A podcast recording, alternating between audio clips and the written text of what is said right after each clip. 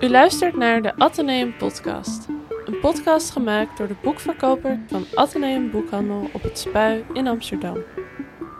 In deze aflevering gaat boekverkoper Marieke van Ekeren in gesprek met schrijver en illustrator Loes Faber. Recent publiceerde zij haar boek Ik ben mijn muze bij Nijgen van Ditmar. Hierin zet zij middels prachtige strips en illustraties de levens en het werk van acht vrouwelijke kunstenaars uiteen. De boodschap is dat zij de kunstwereld compleet hebben doen kantelen, zonder dat er destijds al te veel interesse voor getoond werd. Hierover meer in het gesprek dat nu volgt.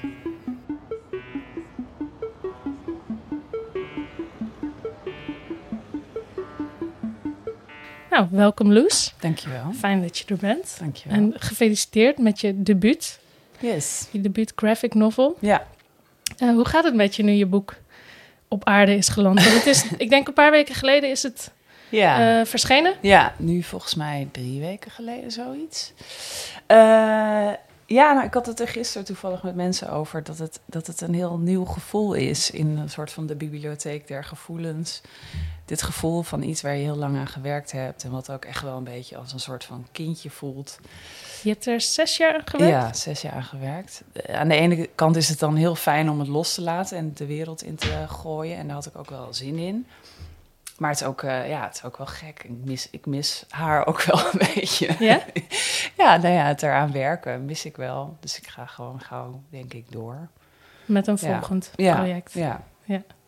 Ja. Maar ik ben heel blij dat het er is. Laat dat uh, voorop staan. en je bent ongeveer nou, zes jaar geleden ben je eraan begonnen. En waar is, kun je iets vertellen over hoe je idee ontstaan is om dit boek te maken? Ja. Ehm, ik denk dat dat een beetje is begonnen. Ik weet het niet helemaal exact meer. Maar dat ik eh, een keer bezig was met Frida Kahlo of iets las over Frida Kahlo. En ik was nooit heel erg eh, enorme fan van haar werk. Eh, maar ik merkte dat, dat, eh, dat ik meer, zodra ik meer over haar leven leerde, dat haar werken ook meer, eh, meer lagen kregen. En dat je beter snapte hoe dat werk in elkaar zat en wat zij er allemaal mee vertelde. En dat ik ja, heel erg onder de indruk was van hoe zij haar leven heeft geleid en in, in heeft gedeeld. En de keuzes die ze heeft gemaakt en hoe dapper ik dat vond. En dat ik toen eigenlijk nieuwsgierig was naar ehm, ja, welke verhalen liggen er nog meer? Welke verhalen zijn er nog meer? En eh, nou ja, dat verhalen van andere kunstenaars. ja, andere vrouwen. Ja, en eh, nou, iedereen weet allemaal van Van Gogh met zijn oor en Rembrandt daar en Picasso dit. En dus die levensverhalen van al die mannen, die kennen we wel, maar van die vrouwen kennen we niet zozeer. Terwijl die misschien nog wel twee keer zo dappere levens hebben geleid, want, want de weg lag niet allemaal voor hun open. Dus ik werd daar heel nieuwsgierig naar en, en ook, ehm, ja, ik miste gewoon dat narratief eh, van die, eh, die lijn, zeg maar, die er wel eh, was, maar niet veel mee is gedaan. Want je kent deze kunstenaars ook niet uit je eigen opleiding. Of... Nou ja, enkele wel. Ehm, maar bijvoorbeeld, zo iemand als Charlie Torop dacht ik altijd dat dat een man was. Gewoon alleen van naam, zeg Ja. maar. Eh, nou ja, wat, waar ik nu ook van denk, ja, dat is ook gewoon best wel, wel gênant. Eh, ja, Frida Kahlo kende ik wel. Ik ken een aantal, aantal wel van naam. Ehm, maar echt het werk en vooral die levens, want daar, ja, daar gaat het boek ook wel heel erg over, over die levens. Eh, ja, toen ik daarover leerde, toen ging er echt een heel nieuw, nieuw boek voor mij open eigenlijk. Want Frida Kahlo was de aanleiding voor jou om wat meer onderzoek te doen naar andere kunstenaressen. Ja, ja dat is eigenlijk begonnen met, met het zelfportret van die vrouwen. Oké, en, Ja. en, en ehm, ben je toen een beetje in het wilde weg gaan zoeken naar vrouwen die je nog meer interesseren? Of waar heb je bijvoorbeeld, want je hebt acht kunstenaars uitgekozen voor, deze, voor dit boek. Ja. En waar heb je die, die keuze op gebaseerd? Ja, dat is eigenlijk een beetje eh, gaandeweg ontstaan. Het begon heel erg met dat, met dat zelfportretonderzoek. Daar had ik een scriptie over geschreven. Van wat, wat zie je in het, in het vrouwelijk zelfportret? Hoe, hoe zie je die ontwikkelingen? Eh, ook wat er in de maatschappij gebeurt, hoe zie je dat terug in het vrouwelijk zelfportret en vice versa. Dus op een gegeven moment werden de paletten bijna groter. En nou, vrouwen mochten heel veel dingen niet. Ze mochten tot, eh weet ik veel, 17e eeuw zo niet hun tanden laten zien bijvoorbeeld, of glimlachen. En dat soort kleine daden van verzet, die, dat iemand dan wel zichzelf afbeeldt met, met tanden bijvoorbeeld. Uh, ja, dat vond ik gewoon heel spannend. Dat, dat kleine visuele verzet in die zelfportretten en, en ook uh, die emancipatie die je daar heel erg in ziet. Dus daar is mee begonnen. En toen wou ik eigenlijk nog meer weten over vrouwen die dingen maakten over wat het betekent om vrouw te zijn in een bepaalde tijd. Of in het geval van Claude Cahun bijvoorbeeld, dat je geboren wordt als vrouw, maar je niet zo voelt. En wat betekent dat dan? Dus toen ben ik langzaam zo uh, van de, eigenlijk van de een uh, in de ander uh, gedoken. En als je, als je eenmaal in die boeken zit en in die, ja, dat, dat gedeelte van de geschiedenis, dan kom je ze ook makkelijker tegen. En elke keer, ja, dan kwam ik weer een verhaal tegen, of dan kwam ik een werk tegen, of dan kwamen die vrouwen elkaar tegen ergens in de geschiedenis. En dus kwam ik zo, ja, dan ben je in een soort van gezelschap. Ja, want wat me opviel is dat uh, er best veel van die vrouwen die je hebt uitgekozen uiteindelijk voor je boek. Mm -hmm. Ik neem aan dat er nog meer was en dat je een ja, keuze hebt moeten maken zeker. van wie je wel en wie je niet erin op zou nemen. Ja. Um, dat er best wel veel van rond de 19e eeuwwisseling is, de 19e eeuw. Ja. Um, is dat, kan je dat verklaren? Ja, nou, ik, mijn eerste idee was om zoveel mogelijk ja, gewoon de kunstgeschiedenis te volgen en, en uh, uit elke periode uh, een vrouw, uh, vrouwelijke kunstenaar te kiezen. maar die periode in de geschiedenis is natuurlijk een periode waarin heel veel is gebeurd, heel ja. veel is ontstaan, heel veel is begonnen. Echt, de hele kunstwereld lag. ja, daar, nou ja, dat was gewoon, er werd van alles uitgevonden en alles gedaan. Dus ik denk dat dat, dat op die manier uh, ja, daar toch wel heel veel in zat. En het was ook een tijd waarin vrouwen naar de academies uh, langzaam konden gaan. Dus, dus ook meer aanwezig werden en zelf meer mondiger werden en leerden over hun eigen geschiedenis of de kunstgeschiedenis. Dus ik denk dat dat daar ook uh, aan ten grondslag ligt, lag.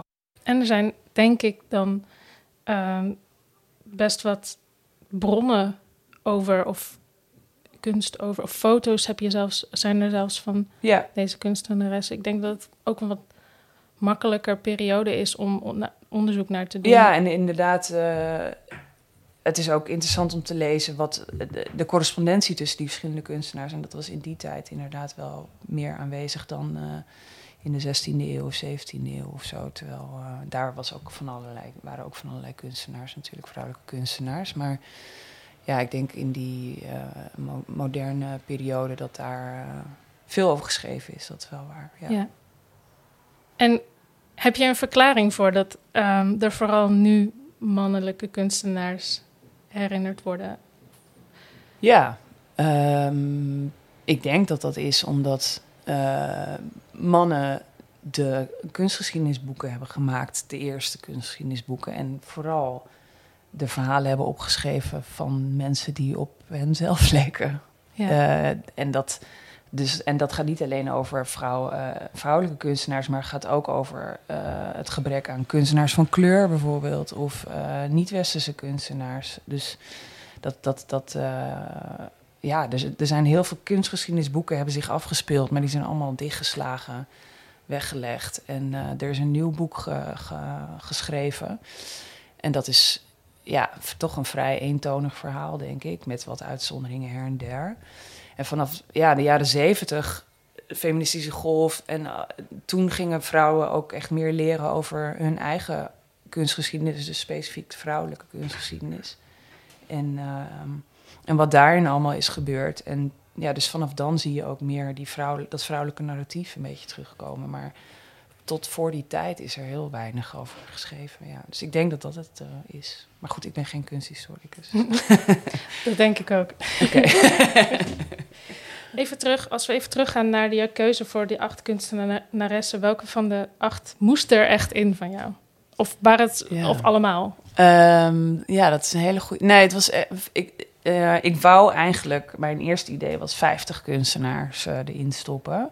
En dan 50? Ook, ja, zoiets, of 100, of gewoon zoveel mogelijk. En dan het liefst vanuit alle delen van de wereld en alle tijden en uh, dat soort dingen. Dus zo'n compleet mogelijk verhaal proberen te vertellen. Maar toen werk ik, merkte ik dat dat en vrijwel onmogelijk was, um, omdat ik dan hele, ja, gewoon qua tijd. Ik bedoel, ik deed over acht vrouwen al zes jaar. Stel je voor dat ik Ja. er 50 zou doen, dan ben ik nou ja, als ik dood ben, is het boek dan misschien af. Dus, ehm, dus ik moest een, selectie maken eh, en ik wilde die verhalen wel zo uitgebreid mogelijk vertellen. Dus toen ook na advies van anderen en over praten van, nou, dan kun je beter maar gewoon iets minder verhalen vertellen, maar dan wel wat uitgebreider vertellen. Ehm, ja, en zo, eh, ja, zo is dat een beetje ontstaan. En ze moesten daar, ja, dus, dus het was echt een strenge selectie van, uh, nou oké, deze acht. Maar zoals ik al zei, is dat een beetje gaandeweg ontstaan. Het is begonnen met Frida Kahlo. Ja. Uh, daar, daar heb ik eerst een verhaal over gemaakt. Toen ben ik eerst begonnen met één. Uh, het haar, haar, haar verhaal proberen te vertellen op één pagina, zeg maar. 1 A3. Uh, nou, maar dat ging echt veel te snel. Van geboren, ongeluk, dood, bij wijze van een paar werken er tussendoor. En zo heb ik dat, dat verhaal steeds meer uitgespreid. Dus dan over twee pagina's, dan over vier en toen over acht. En uiteindelijk zijn het er volgens mij elf geworden. Elf spreads. Um, en zo uh, ja, kon ik vanuit. Dus toen dat verhaal een beetje uit was gedacht en getekend. En uh, zo van, nou, zo moet het ongeveer naar uitkomen zien. Daarna heb ik dat verhaal nog wel een paar keer opnieuw getekend. Maar had ik een soort van format. En dat format kon ik dan vervolgens ja, meenemen naar andere uh, verhalen. Ja, dus zo. Dus, dus een, die, die acht is een beetje zo van. Dus ik, want ik heb ook nog twee andere verhalen getekend, maar die zijn er uiteindelijk niet ingekomen. Van welke kunstenaars? Um, Pan Yuliang, dat is een Chinese uh, kunstenares. En um, Maria Sibilla Merian. Oh ja. Die, uh, maar dit, toen dacht ik, ja, dat is misschien ook wel meer een wetenschapper. Dus die mag in het wetenschappersboek, uh, als ik die ooit die ga volgende maken. boek, ja. ja. en ik had ook nog één getekend van Thelma Johnson Street. Dat is ook een Afro-Amerikaanse kunstenaar die performance en schilderkunst combineerde. Um, ja, maar goed, ja, op een gegeven moment moet je kiezen. En uh, qua tijd ook. Dus uh, toen zijn er deze acht geworden. Ja. En wat me opviel is dat jouw tekeningen, je, je boek zit vol met tekeningen van de levens van die vrouwen. Mm -hmm. En die worden afgewisseld met eigenlijk weergaven van hun werk. Ja. Um, had je al een idee van hoe je, je, hoe je die vrouwen wilde weergeven? Want wat me opvalt is dat ze vrij ruw zijn weergegeven, best wel ja, grof. Ja. Tussendoor zie je die, die schilderijen die je dan nagemaakt hebt. Mhm. Het clasht soms een beetje, Ja. maar dat niet in een negatieve zin. ja, nee, maar dat klopt wel. Dat clasht zeker. En dat, dat moet ook. Ehm, dat, dat wilde ik ook. Want je moet duidelijk het verschil zien tussen ehm, het narratief van het leven... Ja. En die werken die, die ik zo realistisch mogelijk wilde doen. Want daar moet je gewoon zeggen... oh ja, toen was het zo en zo... en ze was het daar en daar... en toen ging ze dit maken. Ja. Dus dat moet zo dicht mogelijk tegen het origineel aan liggen. Uh, en hetzelfde is eigenlijk ook met die tekst die in het boek... want er zijn meerdere lagen. Dus ik vergelijk het wel eens met een opera bijvoorbeeld. Als je naar de opera gaat, uh, dan... Ik ben niet vaak naar de opera gegaan, één keer. Maar die keer... Uh, ja, de, de opera, tenminste, ik ervaar de opera op soort van vier lagen. Dus je hebt de boventitel, ondertitel, hoe je Die het boven noemen. het, het, uh, het uh, toneel, toneel speelt. ja. Dan heb je het toneel, je hebt de muziek. En je hebt ook nog de orkestbak en de dirigent. Dus dat zijn eigenlijk vier lagen waarop je zo'n opera kan ervaren. Uh, en, en ook meerdere zintuigen. Um, en in mijn boek is denk ik ja, je hebt, je hebt de, de lopende tekst, dus de broodtekst. Dus daar, dat is gewoon het verhaal. En je hebt de tekeningen. Maar er zitten ook nog quotes in. Uh, een soort van getekende typografie. En je hebt ook nog wel eens dat, dat de hoofdpersoon of een persoon iets zegt tegen de kijker. Dus het is best wel een... Lijkt mij best wel... Ik, ja, ik, het is natuurlijk... Ik heb het zelf gemaakt, dus ik, voor mij voelt dit natuurlijk. Maar ik denk als je... Dat het best wel... Uh, ja, het vraagt misschien wel wat van je als lezer. Het is veel... Veel.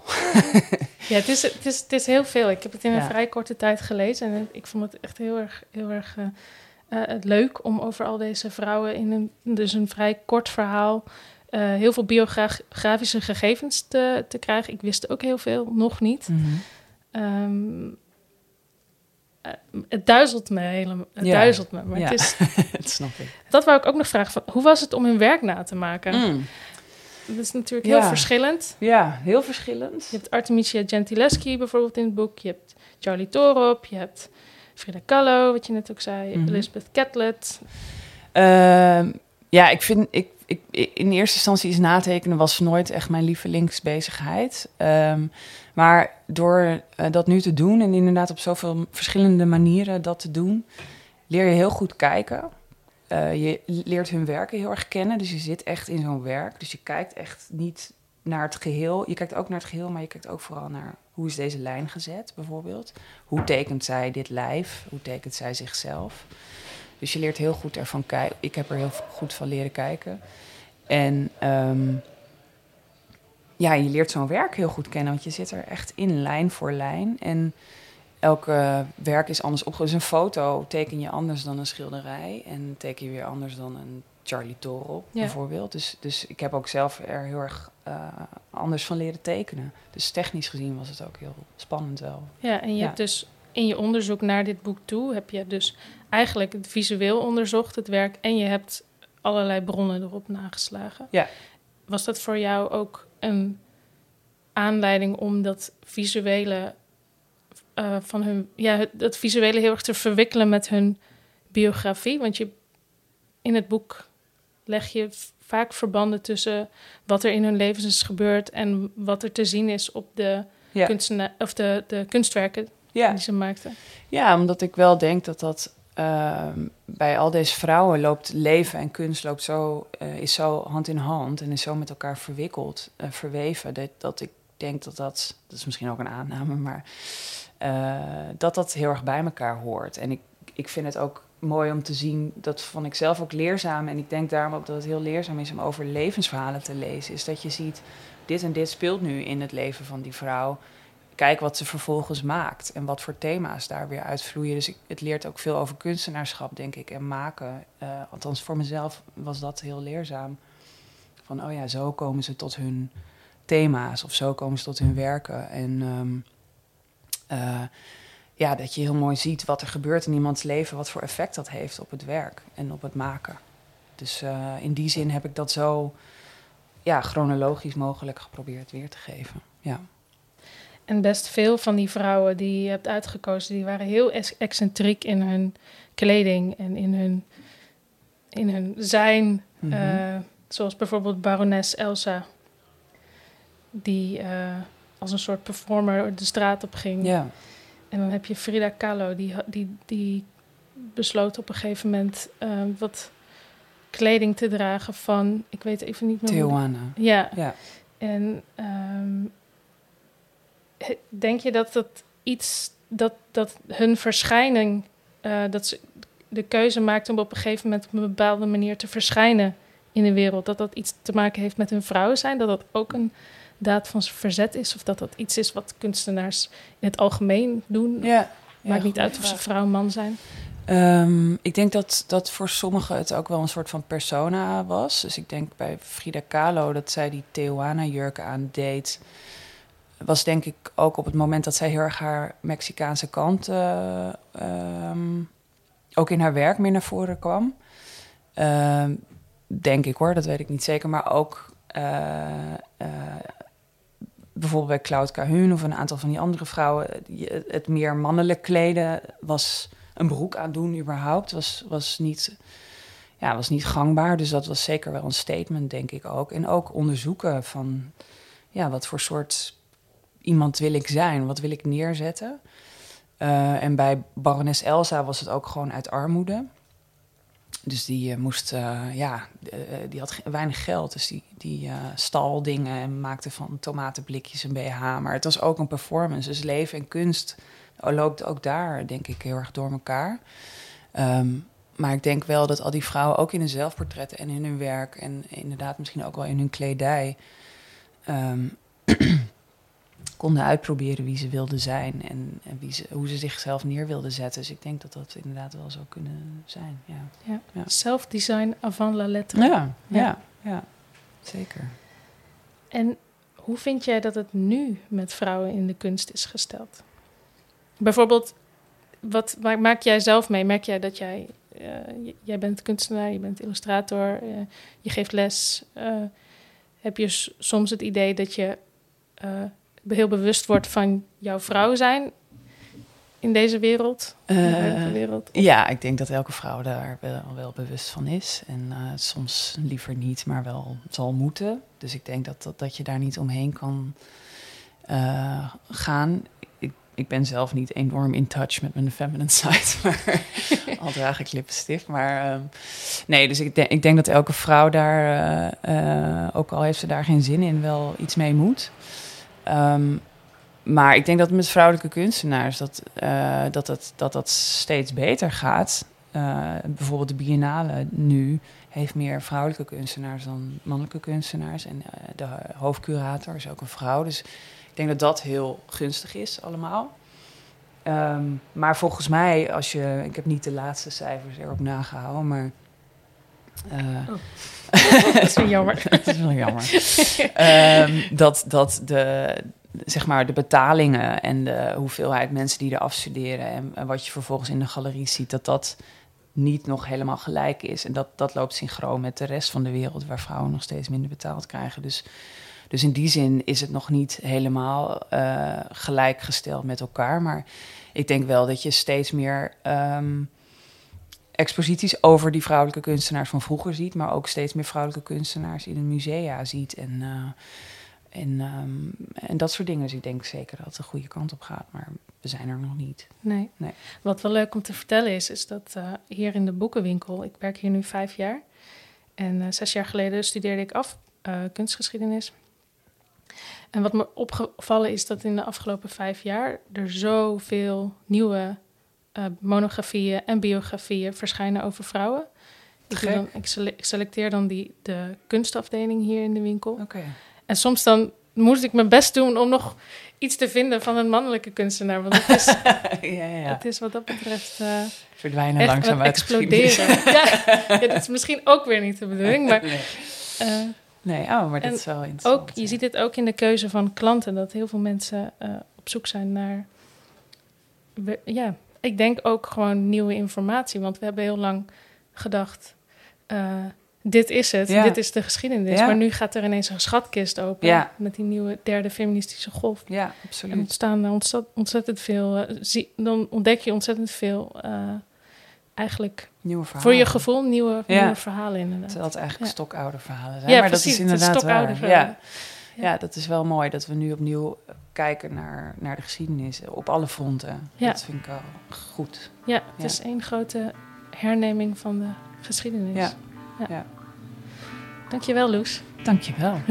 Leuk om hier te zijn.